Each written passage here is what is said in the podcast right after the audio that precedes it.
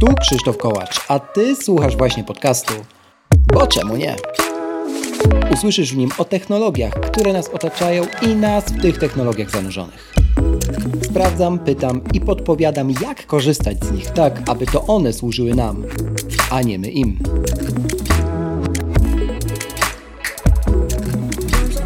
W dzisiejszym odcinku o automatyzacjach, powtarzalnych procesach i technologii, która pozwala nad tym wszystkim zapanować, rozmawiam z Damianem Zachwieją, twórcą bloga i newslettera technicznego.pl. Proszę, zostaw opinię na Apple Podcast lub na Spotify. Twój głos ma znaczenie. Zaczynamy! Cześć i czołem, witam w kolejnym odcinku, bo czemu nie? E, odcinku, który jest bardzo blisko mm, motta czy wizji tego podcastu, a ono brzmi, mm, jeszcze raz przypomnę, e, staramy się mówić, staram się mówić o technologii, mm, czy to z moimi gośćmi, czy sam, w taki sposób, żeby ona służyła nam, e, a nie my jej i jak to zrobić właściwie. W tym podcaście staram się przedstawiać. No i mój dzisiejszy gość i wasz dzisiejszy gość jest tak naprawdę osobą prawie idealną, bo nie ma ludzi idealnych, do tego, żeby o, o, tym pogadać. Trafiliśmy na siebie, zaraz powiemy jeszcze w szczegółach w jaki sposób, ale w sieci po prostu, wymieniając się spostrzeżeniami na temat automatyzacji czy różnych innych procesów, które mogą dziać się w tle, żeby odzyskiwać nasz e, czas. I tak do mnie i do Was zawitał dziś Damian Zachwieja. Cześć Damian. Cześć, cześć Krzysztof. Dzień dobry wszystkim słuchaczom. Miło, że wpadłeś. E, to może Zacznijmy od tego, w jaki sposób w ogóle zaczęliśmy na siebie trafiać właśnie w sieci, bo to historia, która pokazuje, że mm, jakby osoby, którymi się otaczamy, to przeważnie są osoby dosyć podobnie myślące i o ile bańka ma dużo swoich wad, ta czy inna, no to ma też dużo zalet. Może oddam Tobie głos, żebyś powiedział, jak to z Twojej perspektywy było. E, Okej, okay. to z mojej perspektywy ja w zasadzie kojarzę Twoje materiały jeszcze z czasów, kiedy nagrywałeś podcast z e, Rafałem Sobolewskim, jeśli dobrze pamiętam. Mhm. Tak jest. Pozdrawiam Rafała. Pamiętasz. Pozdrawiamy Rafała. I tak jakby słuchałem, słuchałem Twojego podcastu dosyć często, wtedy w ogóle dużo słuchałem podcastów. Później miałem trochę przerwy od tego, trochę od technicznego świata, trochę od e, internetu, powiedzmy, obowiązki mnie e, zasypały i musiałem trochę e, sobie odsapnąć. I jakiś czas temu wróciłem z powrotem, zacząłem słuchać podcastów i wróciłem też do Twojego, trafiłem do Twojego newslettera. I w zasadzie w tym newsletterze, mhm. z, w tym newsletterze i później też w moim newsletterze, do którego ty z kolei trafiłeś zaraz później, e, tak. zaczęliśmy e, z sobą e, rozmawiać, polecać się dosyć często. Jesteś chyba najczęściej polecaną przeze mnie osobą, która się przewija w, właśnie w newsletterze.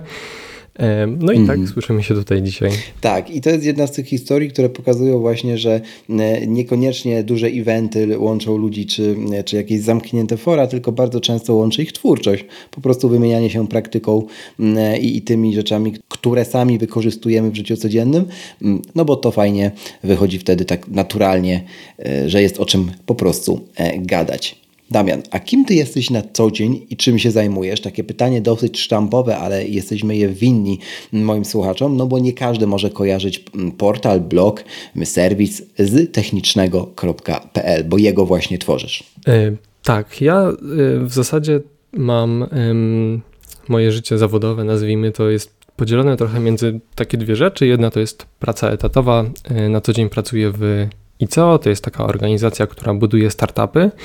E, tam e, jestem liderem działu research. Mhm. Szukamy odpowiedzi na różne pytania i dbamy o to, żeby wiedza w firmie była w miarę e, na bieżąco, żeby ludzie wiedzieli, co tam na rynku fintechowym, bo głównie tym się zajmujemy w, w ICO, co tam na tym rynku się dzieje.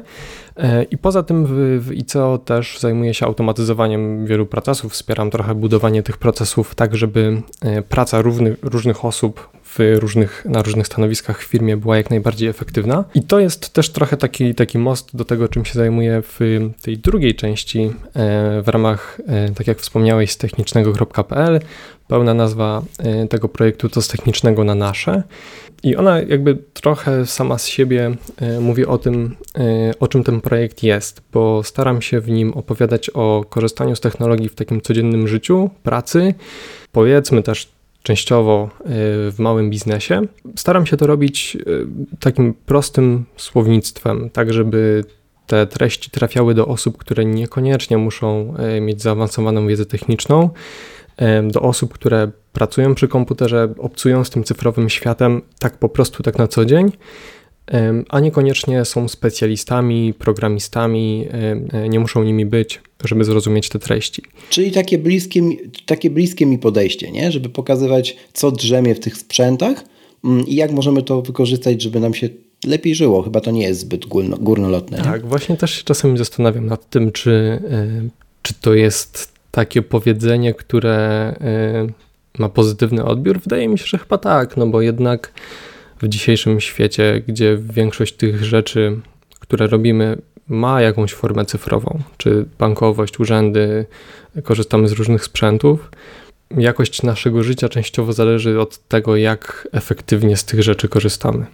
No tak, no a że jesteśmy przytłoczeni obowiązkami i w ogóle właśnie tym pędem życia, no to bardzo trudno jest czasami zatrzymać się i chociażby, nie wiem, przejrzeć ustawienia swojego smartfona, nie tak dogłębnie, czy poczytać na temat, mm, nie wiem, aktualizacji, posłuchać jakichś podcastów technicznych, bo bardzo często trafia się mm, na taką ścianę, że ale ja nie mam czasu się w to tak bardzo zagłębiać. No albo trafia się na 6-godzinny podcast, w którym po dwóch godzinach się już nic nie wie, co się słucha, nie? Więc ty też chyba jesteś zwolennikiem takich mm, piguł wiedzy, nie? Takiego konkretu. Jakby bardziej chyba jesteś za tym, żeby dzielić wiedzę na mniejsze części, tak przynajmniej wnioskuję z tego, co tworzysz, y, ale żeby one były konkretne i rozwiązywały jakiś problem, niż opowiadać od A do Z o wszystkim, łącznie z, jakby z historią życia tak, twórców. Tak, nie? trochę jest, bo y, mam takie podejście, że y, wydaje mi się, że to jest całkiem naturalne, że za dużo wiedzy naraz to, to nie jest nigdy dobre e, wyjście, ale z drugiej strony czasami, żeby zrozumieć jakiś materiał, trzeba coś e, wiedzieć wcześniej. Więc faktycznie staram się robić tak, żeby te materiały omawiały jakiś konkretny aspekt, najlepiej już od razu na przykładach, nawet jeżeli to jest jakiś tam e, wstęp do czegoś, mhm. a dopiero później powstaje ten właściwy materiał. I nawet w tym roku mam taki plan, żeby stworzyć kilka takich materiałów, które można by nazwać trochę bardziej technicznymi, ale właśnie w taki sposób, żeby odbiorcy mogli je zrozumieć, bo wydaje mi się, że te materiały otworzą bardzo dużą drogę później do takich dodatkowych rzeczy, dodatkowych możliwości, które te osoby będą mogły wdrożyć mhm. w, swoich, w swoich automatyzacjach. Czy to jest na przykład y, trochę mm, pograniczy programowania, w sensie jakiś Python, czy no, ustawianie jakby kolejek wyzwalaczy w ramach jakiegoś narzędzia do automatyzacji. Niekoniecznie mam na myśli teraz ekosystem Apple. E, o co Ci chodzi, żeby też trochę zrozumieli tej warstwy językowo-technicznej, bo ona pozwoli Tobie też tworzyć treści trochę bardziej pogłębione? Nawet nie aż tak głęboko. Bardziej, bardziej myślałem o JSONie, i tym, jak rozmawiają z sobą y, usługi online, z, którymi, z których można korzystać. Mhm. Bo konfigurując sobie jakieś tam automatyzacje, w których jakaś tam jedna usługa y, rozmawia z drugą usługą, żeby wymienić się, danymi i coś tam ciekawego zrobić, z narzędziami, które mamy dzisiaj obecnie, jest stosunkowo proste, możliwe, bo nawet można sobie po prostu dwie bańki narysować, które symbolizują te, te usługi, połączyć je strzałką i sobie to skonfigurować. Ale na przykład już konfigurując to samo ze, ze skrótów Apple, o których pewnie porozmawiam jeszcze trochę później, to, to już jakaś taka warstwa zrozumienia, czym jest ten JSON, mogłaby pomóc. Albo jeśli chcielibyśmy zrobić coś fajniejszego, ciekawszego, jakiś taki bardziej zaawansowany schemat automatyzacji, to już e, operowanie na takim lekko niższym poziomie. To już to jeszcze nie jest programowanie, ale takie lekkie zrozumienie tego, mhm. jak te dane fizycznie będą później wyglądać i jak będą transportowane, wydaje mi się, że może pomóc.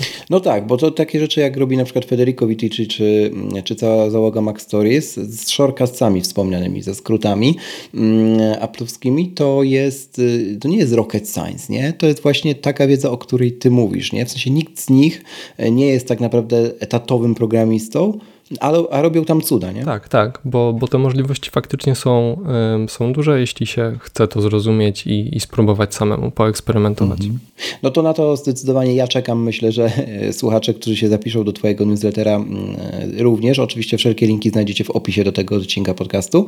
E, a ja bym chciał teraz trochę cofnąć się w Twojej historii Choć miało nie być o historii twórców, ale, niech, ale tego muszę dotknąć, bo jakby to jest bycie fair wobec mojego, mojego audytorium. No i muszę zapytać Ciebie o, o to, o co pytam gości techniczno, mm, jakby związanych z Apple zawsze, czyli historię życia Twojego i technologii, nie? albo Twojego z technologią. Od czego się to w ogóle, Damian, u Ciebie zaczęło?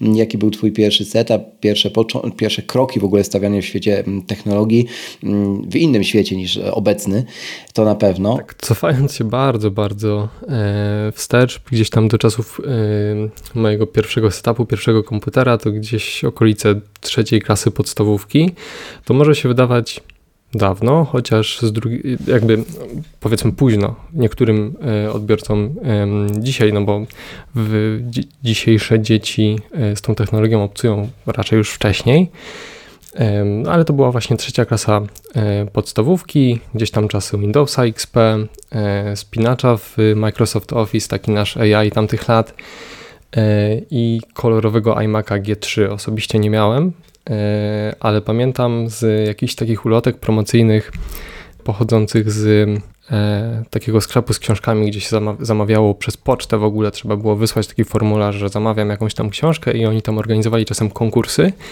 i właśnie był konkurs, y, że jak się zamówi książkę, to można wygra wygrać iMac'a G3. On był taki kolorowy. Pamiętam, że e, prosiłem rodziców o to, żebyśmy wypełnili ten dodatkowy formularz, kupili jakąś książkę i może wygramy tego iMac'a, ale no niestety, mm. niestety się nie udało. No i później co? Bardzo szybko. Bardzo szybko zacząłem y, działać z y, jakimiś takimi pierwszymi rzeczami, jak nauka HTML-a, e, później postawiłem sobie takie, e, taki cel, żeby zostać hakerem e, i to bardzo mocno przyspieszyło powiedzmy moje wejście w, w taki świat technologii, bo, bo zafascynował mnie ten świat mhm. hakerów. Chciałem sobie nawet kupić szkolenie e, szkoła hakerów.pl, nawet sprawdziłem, ono dalej funkcjonuje. Wtedy jeszcze wysyłali płyty CD i książki, a teraz już jest w formie online. No i finalnie nie zdecydowałem się na to, postawiłem bardziej na jakieś książki e, i bardzo szybko zacząłem. To też, e, to też takie odkrycie, bo nawet o tym nie pamiętałem. Bardzo szybko zacząłem pisać e, i dzielić, próbować dzielić się wiedzą, którą już zdobyłem z osobami, które jeszcze mogą być trochę na wcześniejszym etapie. I to zaczęło się od materiałów mhm. właśnie na temat hakowania. Gdzieś tam jakieś takie pierwsze tutoriale zacząłem na etapie podstawówki pisać. Wtedy też z poznanym w internecie znajomym założyliśmy portal ihacking.pl, gdzie publikowaliśmy też um, jakieś newsy, informacje z właśnie dotyczące świata bezpieczeństwa. To też były takie piękne, romantyczne czasy, kiedy wszyscy nazywali swoje usługi portale i, czyli było ihacking.pl, i coś tam i no to tak pamiętam te czasy, to rzeczywiście. Jak ktoś zakładał cokolwiek, to można było w ciemno obstawiać, że zacznie się od i. Tak, ale domena jeszcze była wolna, także jeszcze w, w, tym obszarze yy, yy, jakby było pole do zagospodarowania na to wychodzi, ale faktycznie tak, tak było. Jeśli była jakaś usługa, to później się pojawiała AI usługa o tym samym. Y, jeszcze podpytam, bo powiedziałeś, że z kolegą poznanym w internecie. No właśnie, bo to były trochę inne czasy względem tego, co mamy dziś, dziś chociażby ze względu na internet y, jako społeczność, jako społeczności, nie? które go tworzyły. Y, ty chyba jesteś człowiekiem z tego, co też sobie zerknąłem w notatki, który mm, jakby żył w zamkniętych forach na Ircu, no i pamięta jeszcze takie relikty przeszłości, można to już śmiało, pięknie tutaj powiedzieć, jak nasza klasa czy Blip, mój ukochany. To trochę jeszcze o tym pogadajmy. Tak, tak. Zamknięte fora, zresztą sam, zresztą sam częściowo w takie fora też w międzyczasie gdzieś zdarzyło mi się tworzyć, czy to właśnie fora o programowaniu, czy przez jakiś czas fora zrzeszające miłośników różnych modeli telefonów, które, które tworzyliśmy razem z, z kolei jeszcze z innym znajomym. Ale tak, to były takie czasy, że jednak ludzie się grupowali w takie bardziej zamknięte społeczności dookoła jakichś tematów i to ich łączyło, ale to nie znaczy, że rozmawiali tylko o tym. To znaczy, to były takie społeczności trochę mhm. wielotematyczne, ale z takim wspólnym mianownikiem, gdzie, gdzie ludzie po prostu interesowali się jakimś jednym zagadnieniem wspólnym. I wydaje mi się, że, że ten okres jest taki, i że jakby samo, samo to podejście do takich bardziej zamkniętych społeczności cechowało się takim, taką większą kulturą wypowiedzi. Jak już ktoś gdzieś trafił na jakieś forum, to znaczy, że on faktycznie tam chciał być, nie znalazł się tam przypadkiem, więc dbał o to, żeby jednak coś sobą na tym forum reprezentować, co nie zawsze w dzisiejszym internecie jest e, takie oczywiste i, e, i za tym osobiście, e, osobiście trochę tęsknię, chociaż też wydaje mi się, że historia tutaj powoli zaczyna zataczać koło. Nie wiem, czy też masz takie odczucia, ale, ale jednak ostat, w ostatnim czasie takie bardziej zamknięte społeczności zgrupowane dookoła szkoleń, twórców, e, czy właśnie jakichś takich konkretnych tematów, e, zaczęły się pojawiać i zaczęły być, zaczęły być takim miejscem ucieczki od takiego pędu e, internetowego świata, takie właśnie mniejsze, bardziej zaangażowane E, grupy ludzi? Znaczy, to ja dwutorowo odpowiem. Po pierwsze, dotknę jeszcze na chwilę Blipa, na którym też byłem i, i, gdzie tak naprawdę dzięki Blipowi, czyli dawnemu Twitterowi z Polski, można tak powiedzieć, bo Blip tym miał być. Mm, e, szkoda, że tam zabrakło wizji swoją drogą, ale z drugiej strony, no, trudno mi sobie jest wyobrazić, żeby dzisiaj istniał X i Blip nadal w jakiejś formie. Chyba tak musiało się to potoczyć. Mm, dzięki właśnie Blipowi i tym mikro, mikroblogom wtedy mm, poznałem tak naprawdę Apple, nie? No bo poznałem tam Pawła Nowaka czy, czy Włodka Markowicza i, i całe, całą czyli załogę appleblog.pl tamtego, więc za, za taką nostalgią oczywiście trudno nie tęsknić, ale z drugiej strony zgadzam się, odpowiadając na to twoje pytanie o zataczaniu e, kręgu życia, że tak to powiem górnolotnie, przez, przez historię jakichś tam technologicznych społeczności, no widać to, widać to, chociażby w takich projektach skupionych wokół ludzi, którzy latami budowali swój autorytet w sieci. Przykładem może być tu Michał Szafrański jego klan finansowych Ninja, czy, czy Marcin Iwódź. E, I e, jakby teraz tworząc jakby zamknięte fora skupione tylko na konkretnej tematyce, w której wyspecjalizowali się i są ekspertami lub za takich e, są uznawani, mm, no rzeczywiście jakby te miejsca nie są tanie, umówmy się, bo jeszcze trzeba to tak rozdzielić, nie? że to są zamknięte społeczności darmowe i na przykład Discordy i płatne, tak? Więc jeżeli mówimy tutaj o takim boomie ostatnich pięciu lat, no to raczej postawiłbym na te drugą kategorię, tych płatnych właśnie. Okazuje się, mm, czy okazało się, że bardzo dużo e, ludzi jest w stanie zapłacić w tysiącach złotych rocznie, żeby e, należeć do chyba trochę elitarnego w ich rozumieniu, zresztą sam należę i trochę tak do tego podchodzę, grona e, osób, które jakby są tam intencjonalnie, w związku z powyższym nikomu nie zależy na kręceniu tam imby ani jakiegoś e, po prostu syfu, nie? mówiąc zupełnie wprost. Chyba internet płatny, ale jakościowy jest, jakimś odpowie- jest jakąś odpowiedzią, jakąś pieśnią przyszłości, i nie wiem, czy my od tego uciekniemy. Ja chyba nawet bym nie chciał, bo na to się znajdzie po pierwsze człowiek, a po drugie, może dzięki temu pójdziemy level wyżej w ogóle z internetem, także tym darmowym. Co myślisz o takim. Postrzeganiu tego. Ja częściowo się zgadzam z tą, z tą opinią, e, bo to znaczy tak, możemy tutaj też popatrzeć na to, że e, na płatny internet w kontekście opłat, które gdzieś tam się zaczęły przewijać przez Facebooka, powiedzmy, bo e, ten płatny internet, w którym płacimy za to, żeby nasze dane, powiedzmy, były w jakiś sposób szanowane bardziej niż, do, bardziej niż na co dzień, to jest jedno i jakby Osobiście chyba wolałbym zrezygnować z Facebooka niż za niego zapłacić, bo poza tym, że tu chodzi o prywatność, to nie, nie ma tutaj jakiejś takiej większej wartości dodanej. Natomiast zapłacenie za dostęp do jakiejś społeczności, w której e, właśnie inni ludzie też za ten dostęp zapłacili i wydali swoje pieniądze, ciężko zarobione, po to, żeby gdzieś być, wydaje mi się takim dosyć sensownym wyjściem, bo, bo właśnie tak jak wspomniałeś, ludzie traktują zupełnie inaczej tego rodzaju społeczności traktują je jako coś bardziej elitarnego, jako miejsce, gdzie mogą porozmawiać na zupełnie innym poziomie niż na otwartych forach i te ich, e, ten ich wkład w budowanie tej społeczności, bo jak, jak już jest inny, bo jak już za coś zapłaciliśmy, to bardziej chętnie się będziemy tam udzielać, bardziej chętnie będziemy z tego miejsca korzystać, e, tak żeby z jednej strony dawać coś od siebie, ale z drugiej strony też trochę czerpać od innych i będziemy mieli do tego e, możliwości. Znaczy oczywiście patrząc długofalowo, bo patrząc tak e, przez efekt nowego roku, czy, czy Mikołajek, czy jakichkolwiek skrajnych momentów w kalendarzu, no to będą też takie osoby, które na przykład w naborze otwartym, ale ograniczonym czasowo, a bardzo często te fora mają takie nabory, dużo ludzi po prostu kupi, żeby, mm, żeby, nie, żeby nie uciekło, że, że kiedyś się przyda i okazuje się, że przez rok wejdą tam dwa razy. Tak też jest, ale to bardzo szybko się weryfikuje, no bo oni po prostu po roku znikają.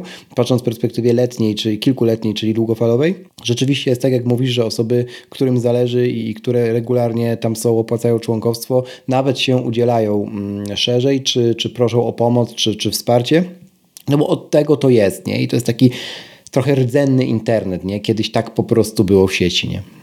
E, w pełni się zgadzam. Kiedy się ta historia z Apple zaczęła u Ciebie teraz, przechodząc do kolejnego wątku, bo jego początek nie jest może iMaciem G3, ale jest równie romantyczny jak to, e, co próbowałeś wygrać z rodzicami. E, tak, bo to są tylko dwa punkty wyżej, to jest iMac G5 w 2008 roku, ale niestety nie posiadany na własność, tylko e, w szkole, w Krakowskim Technikum Łączności mieliśmy zajęcia e, właśnie na, na tych urządzeniach. E, notabene były to zajęcia z oprogramowania biurowego, gdzie pracowaliśmy na pakiecie Microsoftu, więc to tak, tak trochę mogłoby się, się gryźć, mhm. ale to był ten jakby ten pełny zestaw z tą klawiaturą i myszą myszą mydelniczką. No, nie przepadam osobiście y, za tamtą konstrukcją, te nowe też nie do końca mnie przekonują, ale y, to, to był taki, taki właśnie pierwszy fizyczny kontakt, już, y, już dłuższy, powiedzmy, już, już na tych komputerach Apple'a pracowałem. A dla siebie y, moja historia, taka osobiście faktycznie, żeby sprzęty y, Apple posiadać na własność, to 2017 rok i wtedy MacBook Pro 13 z 2015 roku. Y, był, zaczął być moim takim daily komputerem do pracy i codzienności. Później iPhone 7 e, e, i szczerze mówiąc bez większego przekonania, to znaczy mhm. wziąłem tego iPhone'a 7 do ręki, już tak skonfigurowałem i miałem takie ok, to gdzie jest tutaj ta magia? Gdzie tutaj coś takiego ciekawego? E, I no i tak długo, długo mi zajęło, żeby się przekonać, żeby przejść tą barierę i tą magię wyciągnąć, zobaczyć, ale jak już to zrobiłem, to, mm. to do, z urządzeń Apple korzystam do dzisiaj, więc, e, więc jakby tak przekonało mnie to na dłuższą metę. E, faktycznie warto było według mnie przenieść się do tego mitycznego ekosystemu i spróbować i po prostu z tych sprzętów na co dzień korzystać, bo tutaj wchodzi nam jakość, czas pracy na baterii komputerów, MacBooków e, i, i no i nie wiem, czy powiem ekosystem, to, to, to, ten ekosystem to już nie jest trochę e, takie negatywne przez niektórych odbierane, ale faktycznie no, on tu jest i czuć jakby tą integrację tych urządzeń, one dopełniają się nawzajem, więc E, nie wyobrażam sobie. Znaczy wiesz, jak nie powiesz ekosystem, to powiesz synergia, to znowu ludzie powiedzą, że używasz łaciny. W każdym razie nikomu, nie, nie, nie zadowolimy wszystkich, Damian. Natomiast te czasy, o których ty mówisz, pozbawione trochę magii, no oczywiście nie były jej pozbawione, natomiast to była magia zarezerwowana dla fanboyów. Nie? To nie ma się co oszukiwać. I e, nie było AirPodsów, nie było shortcutsów, nic się automagicznie nie przesyłało, a jak się przesyłało, to trzeba było wiedzieć, gdzie to wyklikać, jakkolwiek intuicyjny by ten sprzęt nie był. Więc tak, zgadzam się i to jest ciekawy wniosek, że wtedy magia Apple była elitarna i bardzo ciężko dostrzegalna, przez to opinia o tej marce w Polsce długo i wiele, przez wiele lat kulała i do dzisiaj trochę kuleje. O, no dzisiaj jest prościej, wystarczy komuś po, pokazać słuchawki, nie? Sam przyznasz to. No tak, tak, to prawda. Z czego dzisiaj korzystasz? Zawodowo, prywatnie? Wyrecytuj nam tutaj swój setup, bo to zawsze te czasy nowożytne ludzi ciekawią najbardziej. Obecnie rozmawiam z Tobą z MacBooka Pro 14 y, z procesorem M2 Pro. Y, to sprzęt typowo firmowy, y, który otrzymałem do pracy. Prywatnie mam MacBooka Pro 13 z M1, ta wersja Legacy z touchbarem. Okay. Mhm. Watcha 9 i AirPodsy Pro 2. To z tych takich Apple'owych. No i peryferia jednak nie skusiłem się na te na magiczną klawiaturę czy magiczną mysz. Tu jeśli chodzi o peryferia, to mhm. Logitech dla mnie wygrywa i to jest klawiatura i mysz z serii MX. Czyli podobnie jak u mnie. E, tylko, że z różnicą taką, że ja akurat mam 14 z M1 Pro mm, i, i Studio Display, ale też peryferia od Logi, bo, bo po prostu czekam cały czas po pierwsze na USB-C w tych Apple'owskich, bo chciałbym je mieć na zmianę, nie ukrywam, chociażby ze względu na Touch ID w klawiaturze, mm, kiedy MacBook jest zamknięty. No ale kurczę, nie wiem, czy się w ogóle doczekam. To tak między nami. To myślę, że wszyscy z naszego środowiska się z tym zgodzą. Dlaczego Apple to już trochę powiedziałeś i teraz myślę, że takie stwierdzenie to po prostu działa jeszcze bardziej jest widoczne. No zwłaszcza y, jak przejdziemy płynnie zaraz do głównego wątku, czyli automatyzowania i może otwórzmy go w ten sposób. Czy ty uważasz, że skróty, czyli shortcuts są rozumiane w Polsce tak wiesz, że mówisz shortcuts albo skróty i ludzie mówią, no tak, ale nie chce mi się konfigurować, czy raczej mówią, ale co to jest? Ja spotkałem się chyba z trzecią opcją, kiedy, i to zdarzyło mi się już kilka razy, kiedy mówię komuś o skrótach Apple, to ktoś mi mówi, a no tak, to ja kojarzę tam Command C, Command V, a są jeszcze jakieś inne ciekawe? Wspaniałe. I właśnie jakby to wydaje mi się, że jest duży problem niestety tych skrótów. To znaczy, no, ludzie nie rozumieją do końca, że to nie jest, nie chodzi o te skróty klawiaturowe, ale tak odbierają tą nazwę.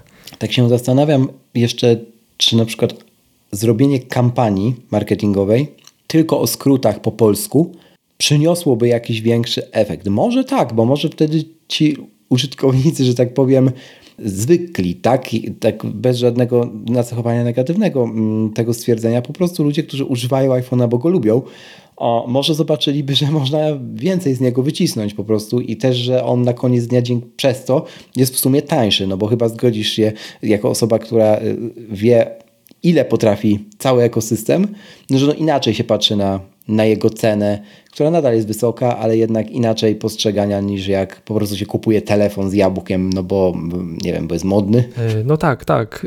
E, zdecydowanie się zgadzam, szczególnie, że patrząc właśnie przez, przez pryzmat skrótów i tych automatyzacji, które tam gdzieś jeszcze poza samą konfiguracją tych, tych procesów, nazwijmy to, funkcjonują, to możesz mieć tak naprawdę kilka telefonów w jednym urządzeniu, bo rano to może być y, urządzenie, które zasugeruje ci, nie wiem, pisanie porannego dziennika, powiedzmy, później w ciągu dnia urządzenie, które jest skonfigurowane i ta konfiguracja jakby automatycznie też przeskakuje między tymi, e, tymi porami dnia, jest skonfigurowane pod pracę, pokazuje Ci aplikacje, które są związane z Twoją pracą.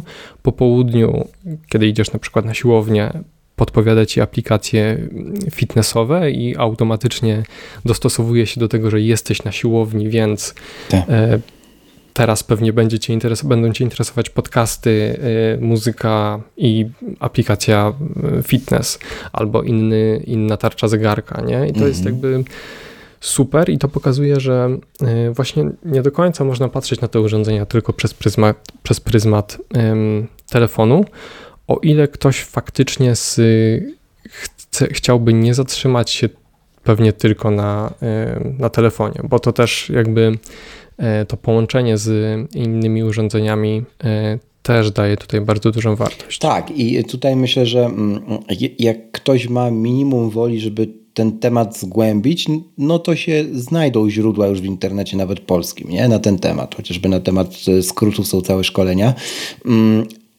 Natomiast też jest tak, że jeżeli tego nie ma w przestrzeni społecznej, w dyskursie społecznym, właśnie jeżeli ludzie między sobą o tym nie gadają, no to to jest bardzo, bardzo trudne.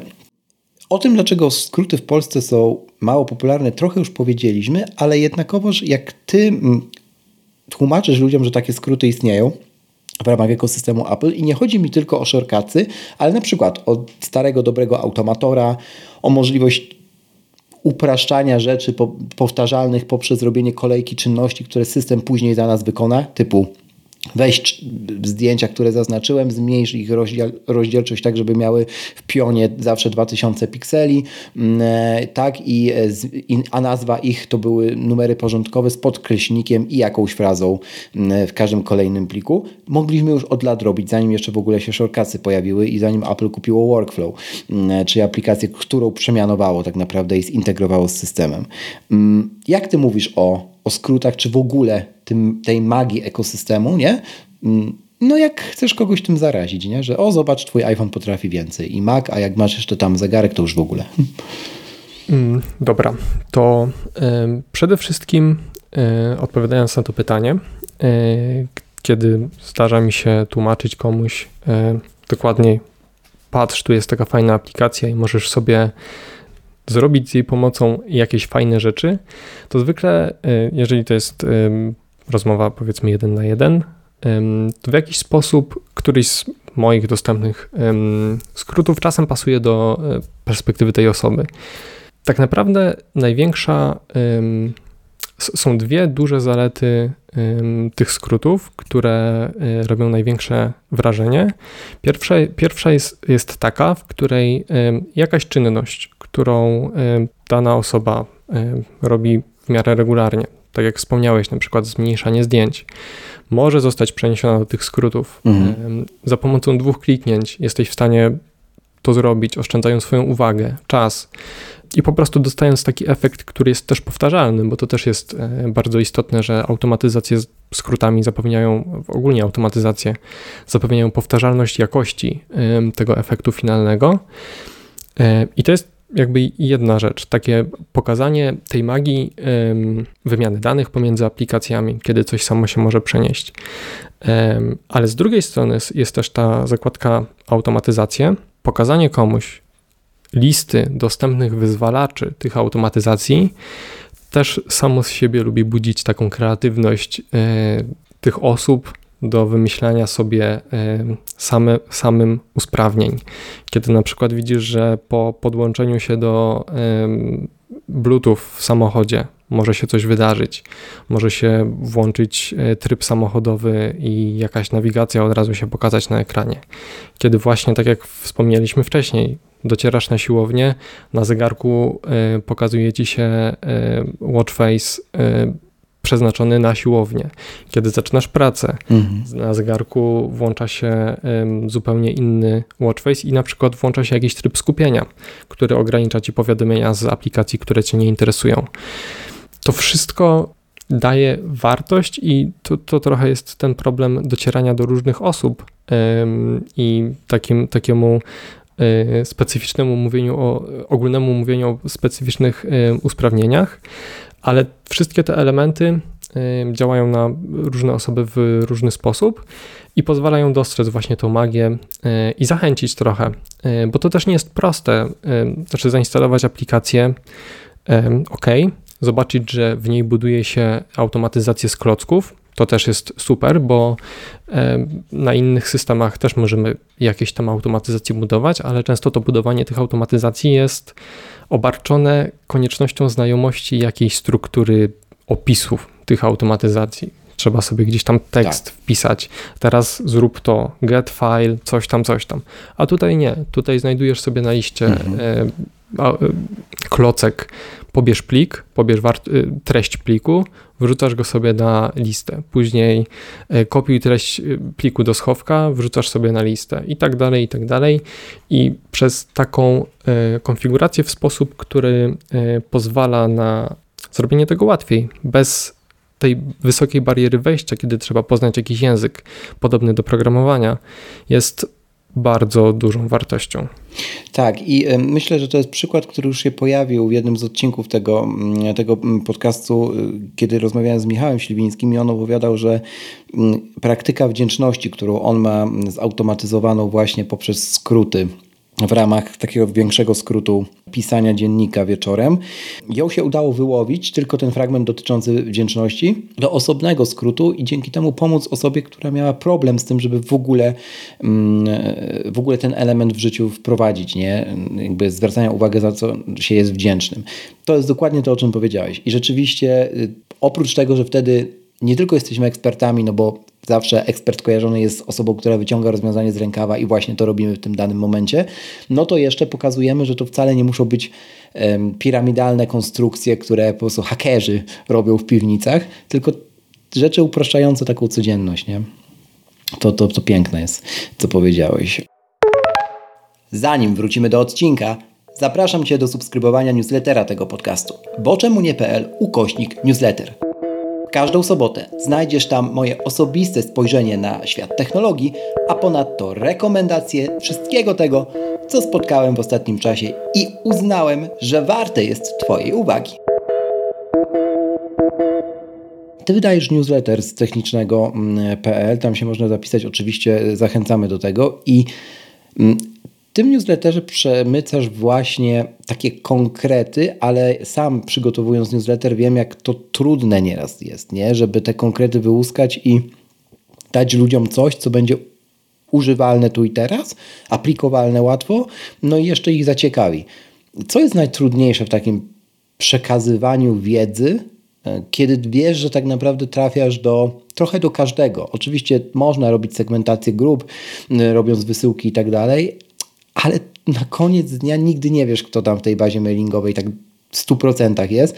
No czyli piszesz dla każdego o rzeczach, które, no umówmy się, no nie są abecadłem, nie? Jak do tego podchodzisz? Co jest najtrudniejsze w ogóle w tym procesie? Najtrudniejsze jakby tak w całym procesie, jeśli by na niego spojrzeć od, samego początku, to jest obecnie wydaje mi się tempo pojawiania się tych rzeczy, o których warto jest powiedzieć i które warto jest przekazać i ich dokładna weryfikacja, bo nieraz już zdarza się tak, że rzeczy na, nawet z drugiej ręki opowiedziane przez kogoś innego już są w jakiś sposób podkoloryzowane, jeśli mogę tak powiedzieć, już nie do końca oddają mhm. rzeczywistość tego, jak to narzędzie faktycznie działa.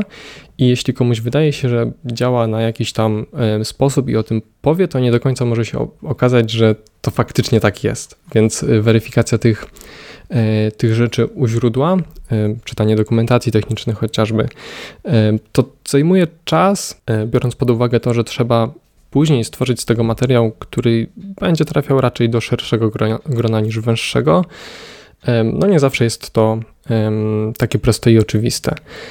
Ale jeśli chodzi o samo tworzenie treści, już docieranie do tych poszczególnych grup osób, bo wydaje mi się, że to też nigdy nie jest tak, że faktycznie da się trafić do każdego. I trochę to, co staram się też robić w tych treściach, które, które publikuję, to um, tłumaczenie tych zagadnień bardziej ogólne, faktycznie takie, żeby e, każda osoba była w stanie dojść do jakiegoś punktu, w którym wspólnie uznajemy, że rozumie to, co przeczytała do tej pory. I mhm. później skupienie się na przykładach, podanie kilku przykładów, które już będą bardziej te e, struny poszczególnych osób, poszczególnych grup szarpać, dotykać ich, ich konkretnego przypadku. Czyli ogólne opowiedzenie, na przykład czym jest automatyzacja, a później jak możesz zautomatyzować swoją pracę, jeśli jesteś projekt managerem, jak jeśli jesteś grafikiem, a jak jeśli jesteś twórcą online na przykład. I w ten sposób trochę, trochę próbuję też to budować. Nie zawsze to jest łatwe, dlatego zaliczyłbym to do takich trudniejszych aspektów. Finalny efekt wydaje mi się, że gdzieś tam jest dostarczeniem wartości właśnie dla tych poszczególnych osób, które później te treści konsumują.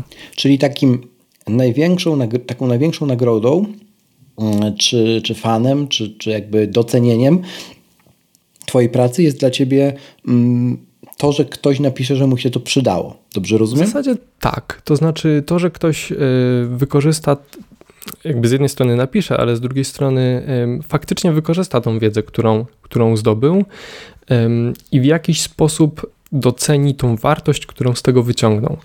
Tak, akurat wczoraj dostałem taką wiadomość od czytelniczki, serdecznie pozdrawiam, e, która e, napisała mi, że poświęciła ostatnio trochę czasu, żeby zapoznać się z dotychczasowymi newsletterami, z wszystkimi wcześniej napisanymi z archiwum i mega docenia tam wkład pracy, który w nich jest, wartość, którą może z tego wyciągnąć i żeby było jasne, no te wszystkie treści jakby są obecnie darmowe e, i ten newsletter też jest w pełni darmowy, ale czytelniczka Joanna chciałaby jednak go zasubskrybować. W sensie chciałaby mieć jakiś sposób, żeby, żeby mimo wszystko w jakiś sposób mhm. um, zapłacić za otrzymywanie tych wiadomości, bo tak to jest dla niej wartościowe. E, I jakby to jest też taki sygnał, już jakby pomijając sam fakt y, tego, że tutaj gdzieś się przewija, przewija pieniądz, ale fakt tego, że dla kogoś to jest na tyle wartościowe, że jest w stanie za to zapłacić i chciałby za to zapłacić, to dla mnie jest jakby największa nagroda, że e, tak, tej osobie się to przydaje. Warto to robić dalej. No tak, i to jest też takie podkreślenie, że przepalone hektolitry Twoich godzin nie idą w piach na koniec dnia, tylko po pierwsze są wartością, czyli jest spełniony jakby cel, tak, misja, jakkolwiek to nazwiemy, a po drugie warto to robić dalej i ma to jakąś przyszłość. No także tę finansową ewentualnie, gdybyś się zdecydował na przykład kiedyś robić to, czy prowadzić działalność edukacyjną full time, nie? Tak, zdecydowanie rozumiem to podejście i, i gra, gratulacje ogromne, bo to nie jest mm, e, częste w polskim internecie. Mm, to powiedz mi, co jest najtrudniej przekazywać w takim razie no, odbiorcom, w sensie z takich mm, e, zbiorów tematów, że tak powiem, nie? Czy to są właśnie shortcutsy, czy coś innego, albo może ma to jakiś wspólny parasol? Najtrudniej do tej pory e, przekazywało mi się wiedzę dotyczącą tych aspektów, które nie dają czytelnikowi takiej natychmiastowej wartości. To znaczy, że odbiorca po przeczytaniu nie będzie w stanie już natychmiast po wdrożeniu tej wiedzy zobaczyć tego, że tak, to mi pomogło, to mi oszczędziło tam ileś e, minut w ciągu dnia, czy tam ileś godzin w ciągu tygodnia.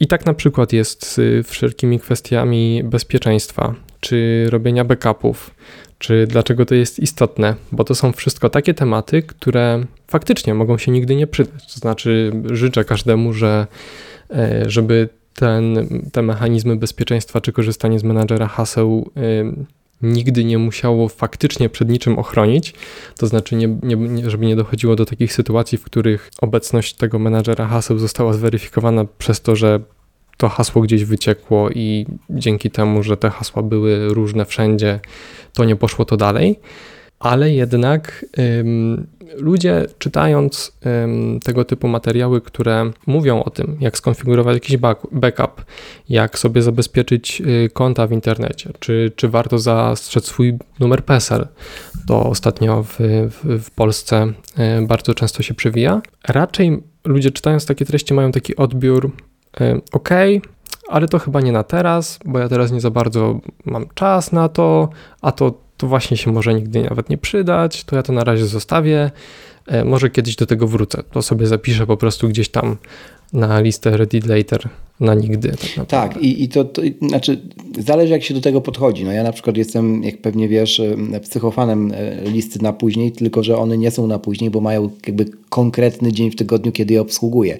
No więc wtedy to się może udać, ale no rzeczywiście, jeżeli ktoś podchodzi na zasadzie worka do rzeczy, dla rzeczy niewygodnych, no to to jest zawsze na, e, na nigdy. A propos backupów, o których tu już sporo było w tamtym sezonie podcastu, w sezonie dziewiątym, co y, rzeczywiście jest tak, że w tamtym roku chyba trzy osoby napisały do mnie, że mm, podchodziły w ten sposób, o którym ty powiedziałeś do backupów, aż w końcu backup by się przydał, tylko go nie było, nie? Więc to jest prawo Marfiego, jakkolwiek to zwał, ale e, no po to są backupy niestety. Tak i klasyczne, i klasyczne powiedzenie, powiedzenie, że ludzie dzielą się na tych, którzy robią backupy i na tych, którzy będą robić backupy bo ich nie mieli, kiedy potrzebowali. Tak jest, chciało się powiedzieć amen. Słuchaj, jeżeli chodzi jeszcze o Twoją pracę w IT, no to też po obu stronach jakby siedzisz, no bo trochę jesteś, e, znaczy no nie trochę, jesteś użytkownikiem, e, czy po prostu e, człowiekiem, który próbuje też innych zrozumieć, jak sam powiedziałeś we wstępie do tego odcinka, a z drugiej strony masz ten background techniczny, więc widząc to wszystko z obu stron, i od środka, i od zewnątrz, czy to daje Ci dużo w kontekście Twojej twórczości? Na przykład, czy dzięki temu y, Ty masz wrażenie, że Ci jest trochę łatwiej mm, wyczuć ten na tyle prosty język, którym należy mówić, żeby Kowalski zrozumiał w ogóle, co Ty chcesz przekazać? Pomaga Ci to? E, wydaje mi się, że tak, bo przez jakby historycznie w, w ramach pracy w, w szeroko pojętym IT przeszedłem właśnie od tej strony technicznej, gdzieś tam lawirowałem przez jakby stanowiska produktowe, biznesowe, gdzieś tam zawsze blisko tej realnej wartości tych produktów budowanych starałem się być.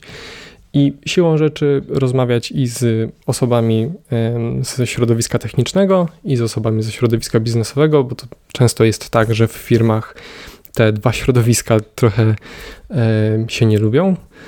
E, bo nie rozumieją się do końca. E, I wydaje mi się, że jakby praca przez jakiś tam okres w, tak pomiędzy pozwoliła mi trochę zrozumieć, rozumieć jednych i drugich, rozumieć jak wyjaśnić żargon techniczny osobom po tej drugiej stronie i jak wyjaśnić kwestie biznesowe osobom technicznym. I to jest jakby ten obszar wspólny, który, mhm. który pozwala łączyć tak naprawdę te dwie zwaśnione strony e, i pozwala osiągnąć trochę więcej, a w kontekście tworzonych treści też pozwala mi lepiej zrozumieć, jak coś działa pod spodem, ale przez to, że często do tej pory e, jednak z tymi osobami bardziej nietechnicznymi musiałem się, nazwijmy to, dogadywać, to też wiem mniej więcej, jakich, jakiego słownictwa użyć, jak to opowiedzieć, żeby, no, żeby po prostu tamte osoby to zrozumiały. I czytelnicy nie to Pogadajmy o AI, bo jakby nie da się mm, nie dotknąć tematu sztucznej inteligencji w styczniu 2024 roku, kiedy to nagrywamy. I mm, ty też sporo mm, miejsca poświęcasz w ogóle szeroko rozumianemu AI w kontekście automatyzacji jednak zwłaszcza od samego początku wybuchu boomu na AI, nie? No powiedzmy od udostępnienia pierwszej wersji czata GPT. Niech to tak będzie, bo to tak się przyjmuje, że to jest ten moment w historii. Myślisz, że to jest na tyle ważne tu i teraz, żeby być na bieżąco, tak nawet skrajnie na bieżąco z tym, co potrafi czat, a przynajmniej z nim rozmawiać, nawet na użytek taki prywatny i śledzić ten rynek, że może zablokować brak tej wiedzy w przyszłości, mm, taką mm, chłonność w ogóle świata technologii na zasadzie, że jak nie nadrobimy teraz tego bagażu wiedzy, który jest ciężko zdobyć, bo to jest super szybki rozwój, o czym sam powiedziałeś, to w przyszłości może nam być w ogóle trudno się odnaleźć w cyfrowym świecie, tak skrajnie, nawet nam, pokoleniom, które pamiętają początek pierwszego iPhone'a, pamiętają jakby jak to się wszystko rodziło i nawet używają shortcutsów. To może tak daleko zabrnąć i na, powinniśmy wszyscy być na bieżąco, czy to jest może przerysowany obraz? Hmm. To pytanie nie jest takie oczywiste, bo z jednej strony nasuwa mi się mhm. na myśl taka różnica pokoleniowa względem ten przykład naszych dziadków, czy czasami też rodziców, którzy mhm. mieli różne zajęcia w życiu, różne prace, powiedzmy, każdy, sytuacja każdego może być inna, ale te osoby, które raczej z tą technologią, z tą komputeryzacją, e, cyfryzacją nie miały za wiele wspólnego, to po czasie, kiedy myśmy, powiedzmy, e, mówię tu trochę o tym, o, o moim pokoleniu, nazwijmy to, myśmy dorastali i rozumieli bardziej tą technologię, to musieliśmy ją często tłumaczyć właśnie naszym rodzicom czy naszym dziadkom, bo oni nie byli na bieżąco, właśnie przegapili trochę ten moment, w którym to jeszcze było gdzieś tam mniej rozbudowane, a zaczęło e, zajmować większe obszary e, naszego codziennego życia. Ale teraz jest trochę inaczej, wydaje mi się, bo teraz jednak osoby, które na co dzień pracują przy komputerze i mają do czynienia z tymi automatyz automatyzacjami chociażby, z tymi e, shortcutsami, z internetem ogólnie, z tym cyfrowym światem, to to już jest trochę inny skok technologiczny. Bo wtedy, kiedy to wszystko się zaczynało, kiedy komputery wchodziły, to one miały bardzo wysoki próg wejścia te narzędzia, z których korzystaliśmy, aplikacje były mhm. bardzo trudne. E, trzeba było się gdzieś tam, powiedzmy jeszcze w czasach DOSa w ogóle nie było interfejsów graficznych, tylko gdzieś tam białe literki na czarnym ekranie mm. trzeba było spróbować zrozumieć. I to było trudniejsze do przyswojenia. W tym skoku, powiedzmy, który teraz funkcjonuje, e, który teraz ma miejsce, jest to łatwiej, no bo powiedzmy z czatem GPT rozmawiamy naszym językiem i E, takim, którego używamy na co dzień. Więc łatwiej jest się z nim porozumieć, e, dużo łatwiej względem tego, jak trzeba było się porozumiewać z komputerem kiedyś. Ale to też jest trochę zdradliwe z innej strony, bo zacząć jest łatwo, ale zrobić tam jakieś takie znaczące postępy, czy wykorzystywać go efektywnie, no to już może być trudniej. Ale do brzegu zmierzając, wydaje mi się, że to nie będzie tak, albo bardziej to będzie tak, że jeżeli ktoś te kwestie pominie całkowicie, to za kilka lat może obudzić się z, ze światem, który działa już trochę inaczej i którego nie rozumie, ale nie trzeba też być w pełni na bieżąco i każdej nowinki śledzić, żeby do tego nie dopuścić. Fajnie jest po prostu od czasu do czasu sprawdzić, jak działają te nowe rzeczy, z taką ciekawością też trochę do tego podejść, e, porozmawiać z tym czatem, zobaczyć, jakie ma możliwości, poczytać też jakiś newsletter od czasu do czasu, popróbować samemu.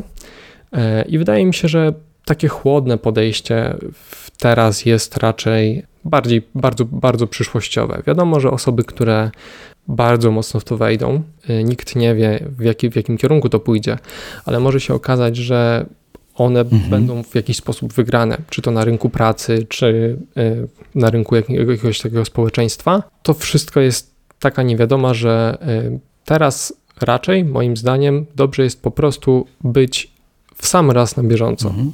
Czyli takie chłodne, rozsądkowe podejście. Ja się z nim w sumie zgadzam.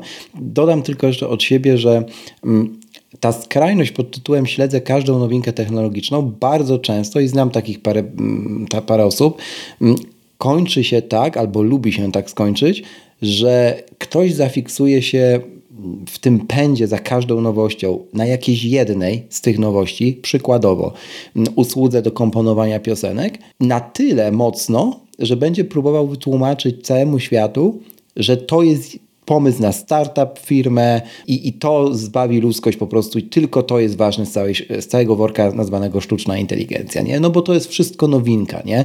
Jak, jak my się chociaż trochę interesujemy jakimś polem semantycznym i trafimy w, w ramach niego na narzędzie AI, no to bardzo możemy ulec takiemu, mm, bardzo szybko możemy ulec takiemu zniekształceniu mm, rzeczywistości i właśnie myśleć, że odkryliśmy coś e, i próbować wszystkim mówić, że teraz muszą tego używać, bo to jest najważniejsze z całego AI mm, i, i to też tak może się skończyć. Mówię o tym, bo, bo to są czasami śmieszne, a czasami dosyć takie przykre e, przykłady. Natomiast to, co ty proponujesz, żeby po prostu pogadać z czatem, no to tak nawet na bazie życia codziennego, nie? Zanim zaczniemy budować piramidalne automatyzacje, to kurczę, powiedzmy naszej partnerce, tak, czy partnerowi, że tam są przepisy kuchenne i można zapytać, jak zrobić jakieś danie, albo podać składniki w lodówce i zobaczyć, co wymyśli czat z tych składników że możemy ugotować, nie? Mm, tego typu rzeczy, takie codzienne, żeby też zarazić tą sztuczną inteligencją, tak? Y, mm, ludzi, którzy no nie są power userami, a mimo tego, jak zobaczą, że mają pomoc w postaci uproszczenia rzeczy powtarzalnych, czyli odzyskania ich czasu, kurczę, może się okazać, że, że złapił bakcyla tak, tak zwanego. Tak, tak. Stuprocentowa zgoda. Najlepiej, kiedy y, zaczniesz z czegoś korzystać, co właśnie da ci tą wartość w postaci oszczędzania czasu. I tutaj też warto uważać, bo może, możemy poprosić czat o rozpisanie planu treningowego na, na jakiś nasz trening, e, mhm. czy właśnie z, y, z, skomponowania jakichś przepisów, ale czasem może się zdarzyć, że to, co dostaniemy w odpowiedzi w efekcie jego działania, to, nie be, to będą głupoty po prostu i um, trzeba też zawsze mieć z tyłu głowy, to tak, żeby, um, żebyśmy to też mieli powiedziane, że stoprocentowe zaufanie do tych odpowiedzi też nie zawsze jest pożądane. To i jeszcze mam jedną anegdotkę w tym temacie, jak już to sam wyjąłeś, mm, tych planów treningowych. Bardzo często może się zdarzyć, że tam będzie mm, zwracana użytkownikowi kompilacja mm, planów treningowych najlepszych maratończyków, ciężarowców, etc., różnych, zmieszana ze, zmieszanych ze sobą i na koniec dnia ktoś może się uszkodzić, mówiąc zupełnie wprost yy, i gasząc ten yy, śmiech, że yy, to może być niebezpieczne. Także zgadzam się z Damianem, uważajcie, bo, bo jakby cała dyskusja pod tytułem, czy sztuczna inteligencja odbierze ludziom pracę tu i teraz, to jest w ogóle dyskusja, której na razie nie powinniśmy toczyć. No chyba, że ktoś chce faktycznie zapomnieć o fakcie pojawienia się AI i udawać, że tego nie ma. No wtedy to warto, myślę, jednak pogadać. Ale tak ogólnie to ja znam ze trzy przykłady firm, które przez to, że się AI pojawiło, zatrudniły w dziesiątkach osób więcej, żeby tym AI się zajmować i go nauczyć e, przyszłościowo robić rzeczy, niż kogokolwiek zwolniły. Nie? To tak na marginesie to. To ja bym z kolei dodał do tego jeszcze, że większym zagrożeniem pewnie będzie to, że za jakiś czas ktoś, kto po prostu gdzieś tam po kilka minut dziennie z tego AI korzystał i dzięki temu jego praca jest coraz bardziej efektywna. Większym zagrożeniem jest to, że ktoś taki y, będzie po prostu zdobędzie więcej punktów w procesie rekrutacji niż my, y, niż to, że to AI faktycznie zabierze nam tą pracę taką codzienną. A Damian, sam chat GBT, ty z nim pracujesz na co dzień, mm, egzystujesz na co dzień, gdzie on ci pomaga, tak wiesz, w ogóle ChatGPT i AI, nie? Jako, e, jako twórcy czy jako pracownikowi, może po prostu jako Damianowi.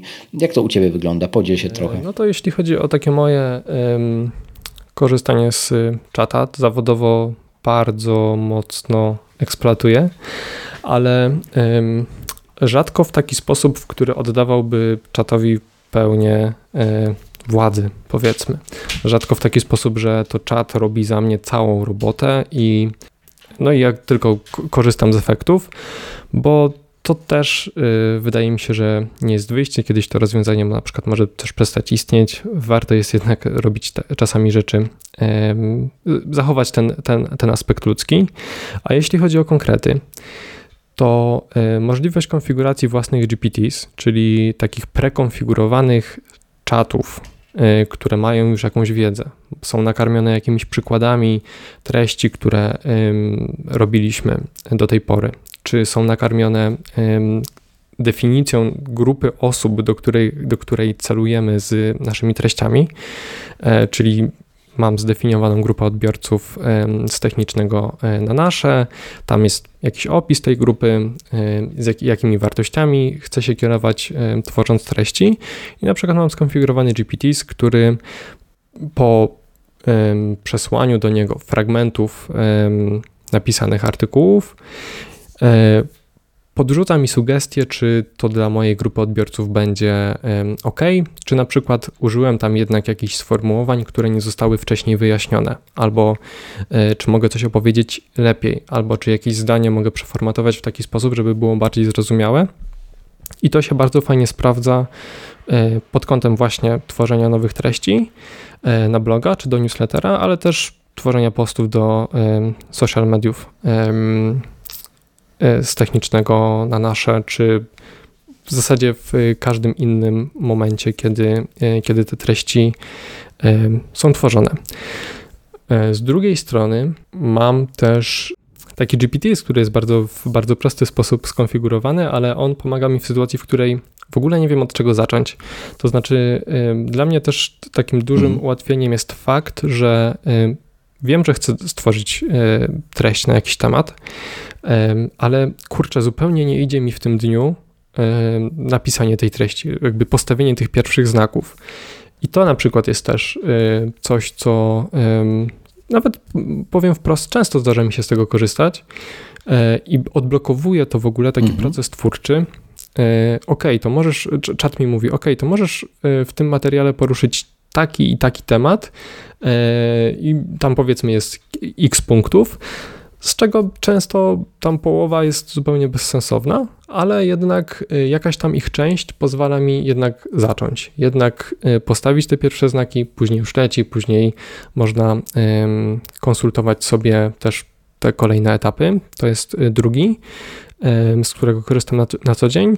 I trzeci to jest y, trochę też anali trochę analiza danych, które gdzieś tam pojawiają się dookoła projektu czy statystyk e, popularności treści, czy statystyk e, klikalności w linki w newsletterze, przesłanie do czata raportu z właśnie ze statystyk z jakiegoś tam okresu i poproszenie o wyciągnięcie wniosków, dyskusja trochę z nim na temat tego, jakie e, ciekawe wnioski można wyciągnąć z tych danych, też jest bardzo wartościowa, bo pozwala później tworzyć te treści lepiej, trochę takie bardziej e, dopasowane do odbiorców.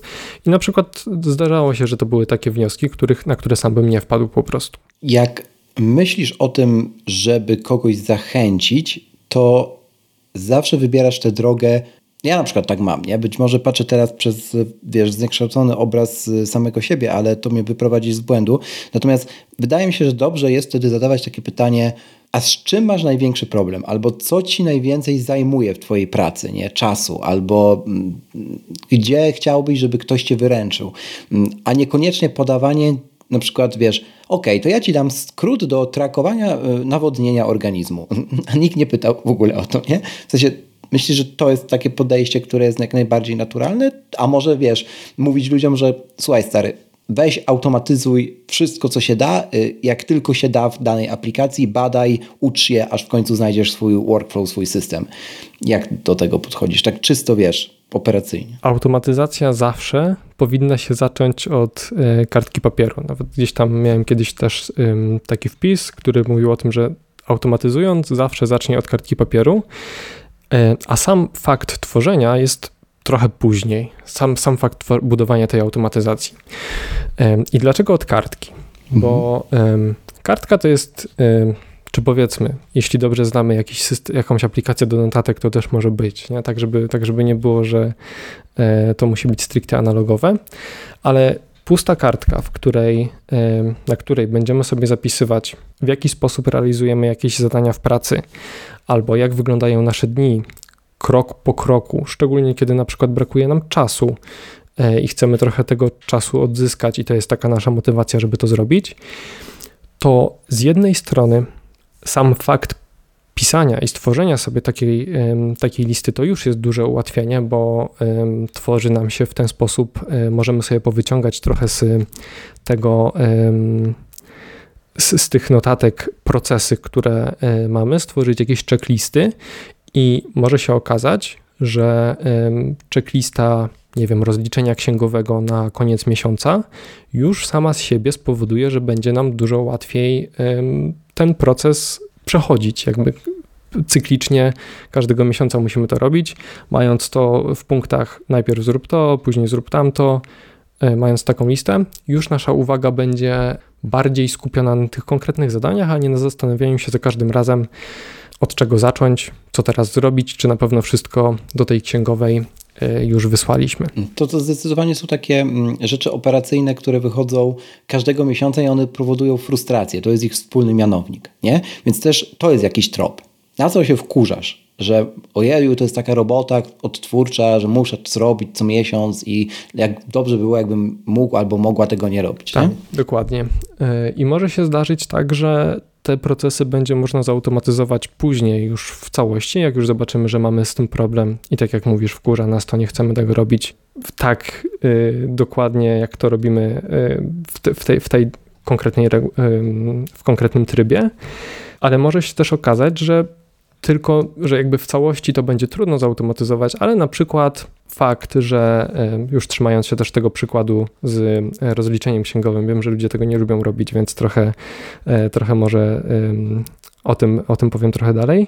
Na przykład faktury, które co miesiąc z różnych stron do nas przychodzą, czy jakieś pliki, które musimy wysłać księgowej, zawsze automatycznie lądują, są nam oznaczane jakąś labelką w, na poczcie, albo lądują nam automatycznie w jakimś konkretnym katalogu. I później na koniec miesiąca nie musimy szukać ich po kolei, e, przegrzebywać maila, przegrzebywać jakichś tam paragonów wrzuconych do, do szafki, tylko mamy to wszystko od razu zgrupowane i już jest prościej. Już jeden, jeden klocek w tym procesie zautomatyzowaliśmy, więc e, wystarczy później na koniec każdego miesiąca otworzyć sobie e, system komunikacji z księgową, nazwijmy to, bo to różnie to czasami jest mail, czasami jest jakiś mhm. inny system i te rzeczy kopiuj, wklej tam wrzucić. Może się okazać, jak już nabierzemy wprawy, że ten drugi krok też się będzie dało zautomatyzować. Ale to wszystko będzie przychodzić z czasem, to wszystko będzie takie przyrostowe i to jest taki, wydaje mi się, idealny kwintesencja budowania tych automatyzacji. Na początku automatyzujemy, spisujemy sobie proces, później patrzymy, co umiemy już zautomatyzować i próbujemy to zrobić, i później z czasem przyrostowo po prostu dokładamy do tego kolejne rzeczy siłą rzeczy e, na koniec zostajemy z większą ilością czasu, z mniejszą liczbą rzeczy, o których musimy pamiętać. To a jak z większą ilością czasu, to i z większą ilością pieniędzy, bo pamiętajcie o koszcie czasu. Odcinek na ten temat był przy końcu sezonu dziewiątego. Znajdziecie go na e, spisie listu odcinków na boczemunie.pl. Gorąco zachęcam. Natomiast jeszcze jeden przykład mam na koniec tego wątku e, o prostych rzeczach, które łatwo można znaleźć. To, I to jest planowanie maili. Nie? Doktor Piotr Stankiewicz, który był gościem tego podcastu i jest też y, osobą, która uczy filozofii stoickiej, zwykł umawiać, że planowanie maili z wysyłką na później później z odroczoną wysyłką jest jednym z najlepszych wynalazków ostatnich czasów i ja się z tym totalnie zgadzam, a bardzo mało osób o tym w ogóle wierzy. W Gmailu czy w paru innych klientach pocztowych już też możemy zaplanować e, wysyłkę takiego maila i obsłużyć zadanie na przykład zajmujące mniej niż dwie minuty, a którego nie wypada po prostu chociażby w weekend wysyłać do kogoś, czy 5, 17. Mm, no nie myśleć już o, tym, o tej rzeczy przez, przez weekend, a, a po prostu rzeczy zadzieją się same w poniedziałek rano i tak dalej, i tak dalej. Więc to są takie rzeczy, które od dawna są, mało osób o nich wie, a jak już je odkryją, to jest wielkie o rany, po prostu święty gral. Tak, tak, w pełni, w pełni e, racja. I to jest taki przykład e, zadania, które trzeba wykonać w konkretnym miejscu i konkretnym czasie. To znaczy, jeżeli byśmy chcieli wysłać tego maila tak. faktycznie w tym momencie, to nie wiem, chcemy komuś, kogoś poprosić coś w poniedziałek z samego rana, e, o siódmej, bo na przykład ta osoba zaczyna pracę o, no powiedzmy już o 8, ale my nie. My zaczynamy pracę powiedzmy o 9, 10. No to nie musimy wstawać rano i tłumaczyć tej osobie, co jest do zrobienia, tylko zaplanować sobie te, tą, tak. y, tą wiadomość. I to, to jest super. I podobnie jest na przykład z publikacjami w y, treści, czy to w newsletterze, na blogu, w social mediach. To mhm. wszystko się łączy w taką całość, że jeżeli jest jakaś praca, która teoretycznie mogłaby być wykonana wcześniej, ale musi być kliknięta finalnie w danym punkcie w czasie, to to jest też idealny przykład takiej stosunkowo prostej automatyzacji, która, którą wiele narzędzi wspiera po prostu tak, e, ma wbudowane. No albo przykład, y, pyta, albo przykład triggera, tak, wyzwalacza, pytania, hmm, czy mogę to zautomatyzować? No i to jest dobre pytanie, nie? To jest jeden z tych przykładów. Dobra, Damian, trochę już zmierzając do brzegu, jakbyś miał podać swoje top automatyzacji, nie? W takich trzech kategoriach, jakby prywatno-zawodowej, powiedzmy duży worek, prywatnej, no i zawodowej osobno. Mm, to wiem, że sobie przygotowałeś, no nie jest tajemnicą i one są dosyć ciekawe, to opowiedz jeszcze o tym, zaczynając od tego worka może prywatnego. Zacznijmy od prywaty. No to tak, jeśli chodzi o prywatę, to yy, numer jeden to yy, regularne przelewy i oszczędzanie. Klasyczny przykład. Yy, każdego miesiąca musimy opłacać określone rachunki, więc te, które są powtarzalne, w których na przykład kwota jest y, taka sama co miesiąc, y, są realizowane u mnie automatycznie i to samo jest z oszczędzaniem. Co miesiąc y, oszczędzaniem i inwestowaniem. Tutaj powiedzmy taki slash. Mhm. Co miesiąc przelewy do konkretnych instytucji właśnie na poczet tych rzeczy są robione automatycznie. I tutaj trochę w tym temacie boli mnie brak możliwości, to raczej się w najbliższym czasie nie zmieni, ale brak możliwości generowania sobie takiego koszyka przelewów, bo w, jeśli chodzi o automatyzację tych finansowych e, kwestii, to tu możemy zautomatyzować to, co się powtarza. To znaczy to, gdzie mamy te same parametry, czyli tą samą kwotę chociażby. Mhm. Gdyby kurczę można było po prostu sobie Excelka wgrać i w tym Excelku podawać, wpisywać tylko kwoty, e, nie wiem, podatku, które mamy do zapłacenia w tym miesiącu, czy jakieś takie zmienne i to wgrać do banku, żeby się realizowało byłbym po prostu przeszczęśliwy. No ale na to raczej się w najbliższym czasie nie zanosi. Punkt drugi, i z tego co wiem, to ty też z niego korzystasz, to e, tryb oszczędzania baterii zależny od sytuacji. Dokładnie tak. W moim przypadku e, za każdym razem, jak zaczynam jakikolwiek trening, wieczorem, e, to znaczy na noc i w trakcie pracy w iPhone'ie i na zegarku włącza mi się tryb oszczędzania energii. Wtedy z tych urządzeń korzystam mniej, więc nie potrzebuję tego odświeżania w 60 Hz i tak, czy tam w 120 Hz i tak dalej, więc jestem w stanie z tym żyć, a dzięki temu ta bateria później wystarcza mi nawet na dzień dłużej, albo czasami nawet na dwa dni dłużej niż wystarczałaby mi bez tego. E, numer 3 z prywatnych to szybkie zapisywanie wydarzeń w kalendarzu. E, to jest bardzo prosta automatyzacja z, na skrótach, która polega na tym, że jeżeli wychodzę od fryzjera albo od jakiegoś lekarza, do którego, z którym umawiam sobie wizytę od razu na kolejny termin, nie lubię bardzo przeklikiwać się przez kalendarz, szukać tam e, daty i wpisywać od razu wszystkich szczegółów, tylko e, mam automatyzację, którą uruchamiam, wybieram datę i godzinę i ona już wrzuca mi do kalendarza, że wtedy coś jest. A już później, jak wracam do domu, to sobie tam sprawdzam i wpisuję dokładnie o co chodziło, że to jest ta wizyta, że nie wiem, muszę e, sobie ją trochę na przykład rozciągnąć, żeby mieć zablokowany też czas na dojazd do tego miejsca. Czwarta rzecz. Włączanie, wyłączanie obracania ekranu to w pełni oddaję tutaj, yy, muszę przyznać to wprost, to jest podkradnięte od ciebie i jest super. Polega na tym, yy, że w iPhone'ie też yy, z użyciem skrótów Apple, Short, Apple Shortcuts, y, w zależności od tego, jaką aplikację otwieram albo zamykam, tak Y, włącza mi się albo wyłącza obracanie ekranu. Czyli jak włączam YouTube albo nawigację w sam y, Google Maps czy, czy Apple Maps, to automatycznie włącza mi się obracanie ekranu, bo wiem, że w tych aplikacjach często z tego korzystam, czyli klikam, obracam sobie telefon i to faktycznie działa, a później jak zamykam i nie wiem, otwieram jakąś inną aplikację, w której nie chcę tego mieć, no to to już jest wyłączone. Proste, a genialne. I to proste, a genialne to, to mi się wydaje, że się mm, samo broni. Na zasadzie jak coś tak oceniamy, to znaczy, że dobrze zrobiliśmy automatyzację. To tak na marginesie.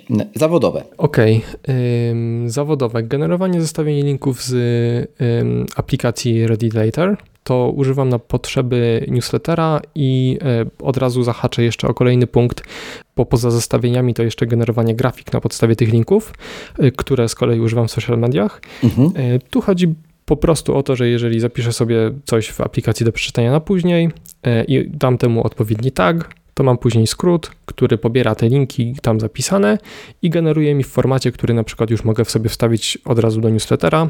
W tej aplikacji też wcześniej mogę sobie przygotować opis, który jest kopiowany, także mega oszczędza mi to pracę, e, czas potrzebny na, na e, pracę nad newsletterem.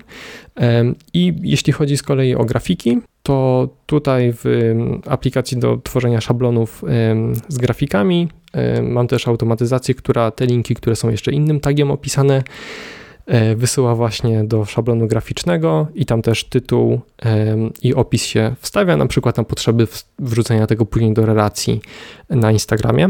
Także to takie e, dwie e, topki, jeśli chodzi o tworzenie treści. Publikacja wydania newslettera w archiwum. Automatyzacja jest dodana jako subskrybent newslettera za każdym razem, jak wysyłam e, newsletter, to otrzymuje go, tego maila też automatyzacja, która pobiera z niego link do e, wyświetlenia w przeglądarce, skraca ten link e, i wrzuca do tabelki na stronie z technicznego w archiwum. Zdefiniowane interakcje z GPT tu przez taka ścieżka skróty Apple Make, czyli taka aplikacja do automatyzacji i API GPT, mam kilka takich automatyzacji, które działają w ten sposób, że jeżeli mam jakiś tekst w dowolnym programie na komputerze, skopiuję go i uruchomię tą automatyzację, to wygeneruje mi się z GPT odpowiedź i wklei e, pod, e, pod tym tekstem.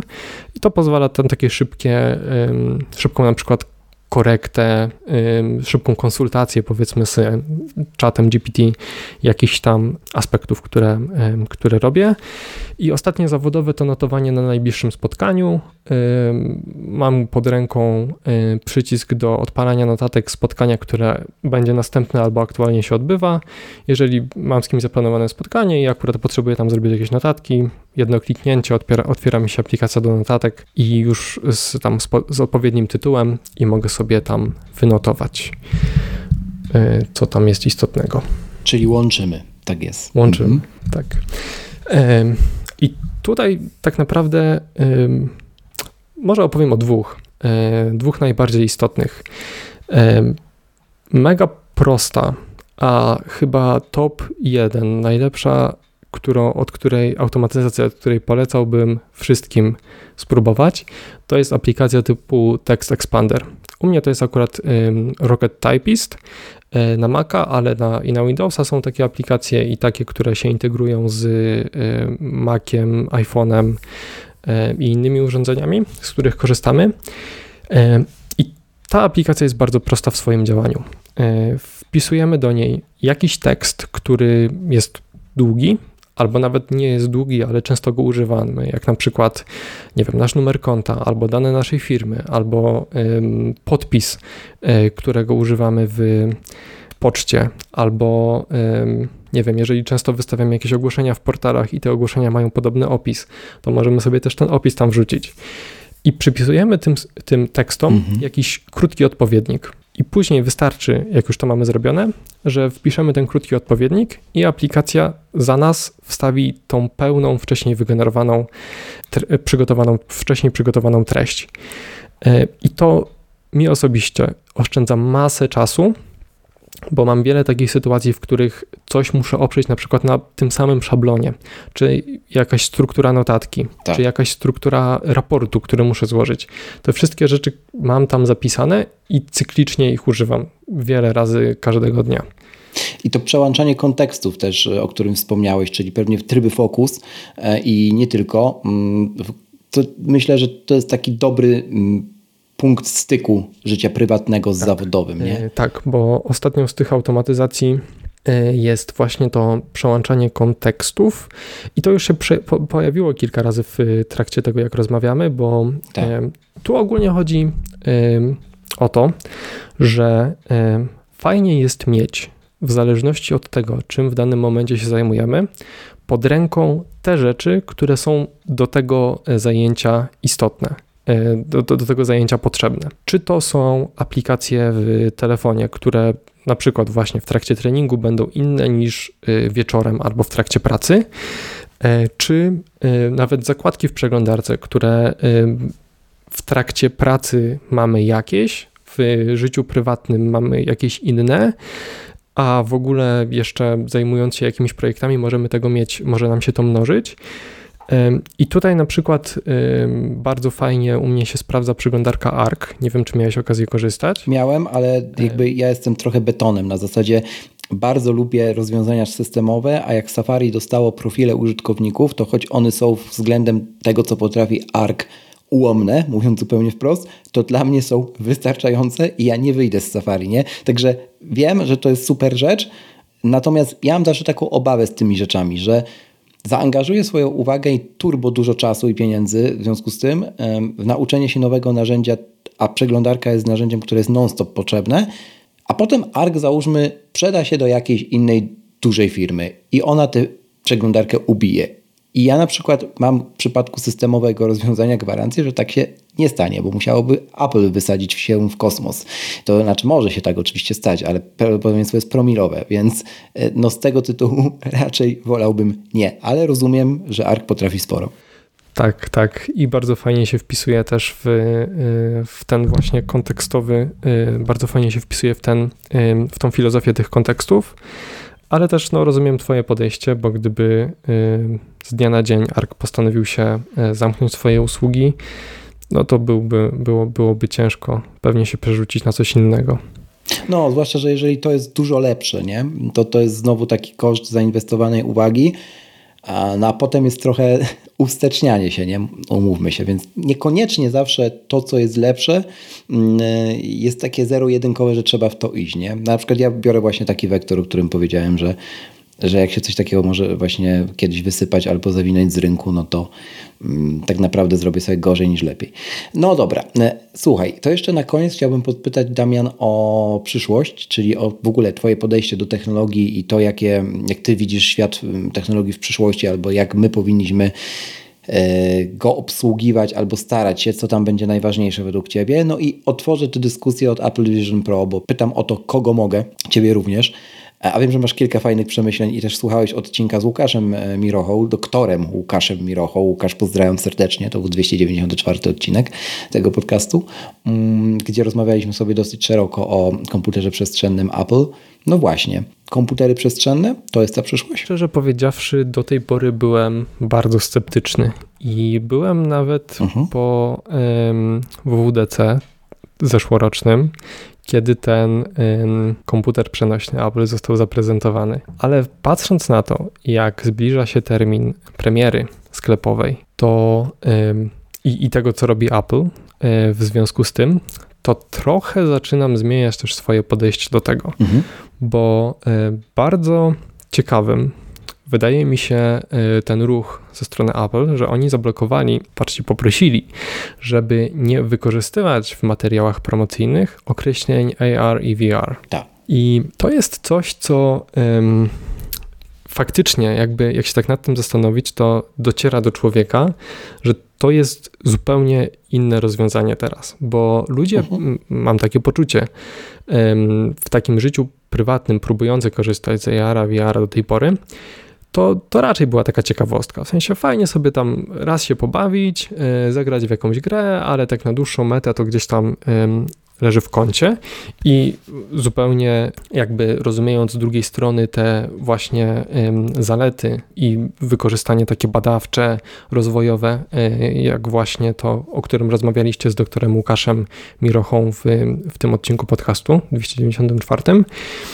zupełnie jakby to też mając y, z tyłu głowy, ale w takiej technologii użytkowej ten, ten VR właśnie był taką bardziej ciekawostką, ale nikt, nikt w to nie szedł tak naprawdę, tak na poważnie. No a Apple zablokowało to, jakby e, prosi, żeby nie używać tych określeń, bo oni będą robić komputer przestrzenny i on faktycznie jest inny. To znaczy, ten jego sposób działania to nie jest po prostu gdzieś tam nałożenie nam jakby zmapowanie tego, co my robimy i przeniesienie nas do zupełnie innego świata. To jest postawienie nas w tym świecie, w którym już jesteśmy, z dodatkowymi elementami, które są dookoła, które swoją drogą na tych wszystkich prezentacjach są no, przepiękne, w sensie to super wygląda i pozwolenie nam obcować i pracować trochę w tym środowisku. I to jest, wydaje mi się, takie podejście, które e, może faktycznie zrewolucjonizować trochę tą funkcję komputerów przestrzennych. I jak już Apple to zrobi, to pewnie inni pójdą trochę w ślad y, za nim mhm. Y, i możemy obserwować tego, y, tego coraz więcej. Jeżeli to będzie faktycznie zrobione w taki sposób, w jaki się zapowiada, to ja jestem optymistą, jeśli chodzi o to, że to się zaadaptuje, ale z takim zastrzeżeniem, że różnie może być, no bo do tej pory głównie mamy przekaz marketingowy i nie wiadomo jak to tam fizycznie na końcu dla użytkownika końcowego będzie działać. Znaczy wiesz, to, że będzie jakieś Vision Pro Gate to jest 100%, nie? To ja w ciemno daję sobie rękę uciąć. 100%. Natomiast y, takie aferki to jest y, jedna para kaloszy, druga jest zupełnie czymś innym, bo druga to jest dyskusja o tym, czy Vision Pro teraz okaże się pierwszym Apple Watchem ze szczerego złota sprzedawanym za 100 tysięcy złotych w Polsce, które kupiły parę osób.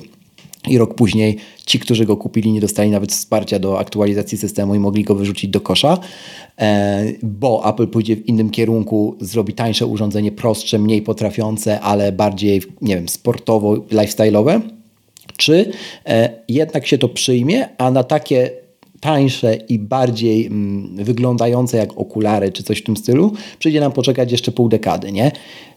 To jest zupełnie coś nowego. Nie było takiego momentu w historii i śmiem stwierdzić, że o ile do tej pory mówiono, iż e, największym przełomem mm, kariery Tima Cooka był Apple Watch, co trudno się z tym nie zgodzić ze względu na skalę, no i to, że wystarczy się po ulicy rozejrzeć teraz, to myślę, że największym sprawdzianem dla Tima Cooka będzie rollout tego produktu. I ostatnim, jaki będzie miał w karierze. Tak mi się wydaje. Jako CEO oczywiście, nie? Zobaczmy. Sam zresztą mówi, że za 5 lat y, niekoniecznie widzi siebie u sterów y, Apple, więc y, dosyć to naturalne jest. Nie? W sensie mam nadzieję, to, to też będzie ciekawy moment w historii, nie? I, i w historii giełdy też swoją drogą, że mm, Tim Cook jak odda władzę, na razie nie wiemy, żeby był na coś ciężko chory, tak jak był Jobs, to on to odda w sposób płynny. Nie? W sensie sukcesor już jest wybrany, Tima Cooka i jakby to będzie duże wydarzenie, mówię tak światowo też, nie? Przekazanie dalej e, władzy nad, nad największą marką świata, mm, a to się zadzieje nie tak wcale późno, jak nam się wydaje, nie? Takie moje przemyślenie. Zgadzam się. W kontekście tego e, płynnego przejścia i tego, że to może być ostatni taki duży produkt Tima Cooka, chociaż e, już niekoniecznie jeśli chodzi o największą markę świata, bo w ostatnim czasie Microsoft -hmm. to prawda. troszkę tamtym AI-em e, przyszarżował, że tak powiem.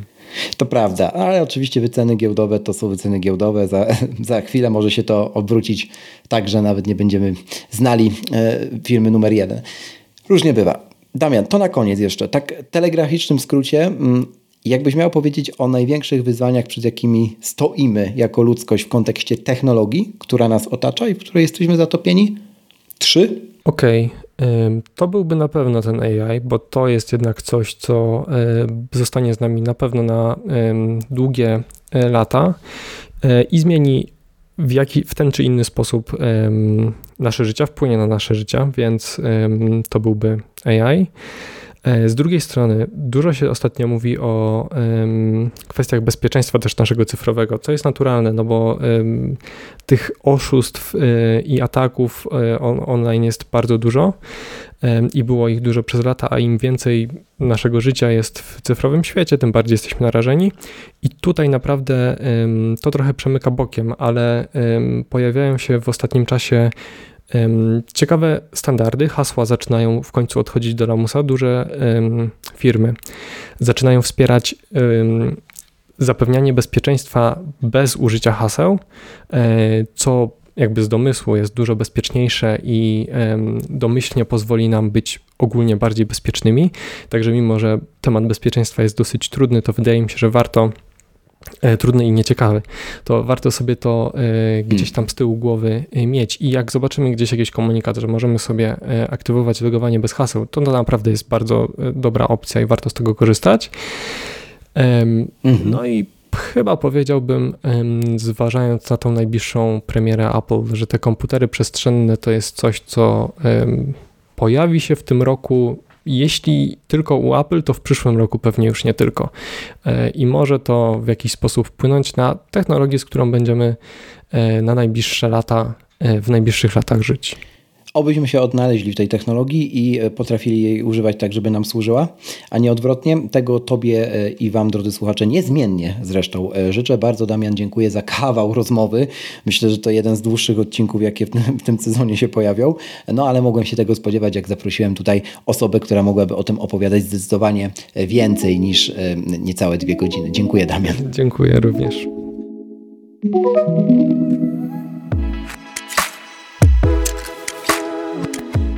Pamiętaj, że wszystkie rabaty, które wynegocjowałem dla Ciebie u partnerów i sponsorów tej audycji znajdziesz pod adresem boczemunie.pl ukośnik rabaty.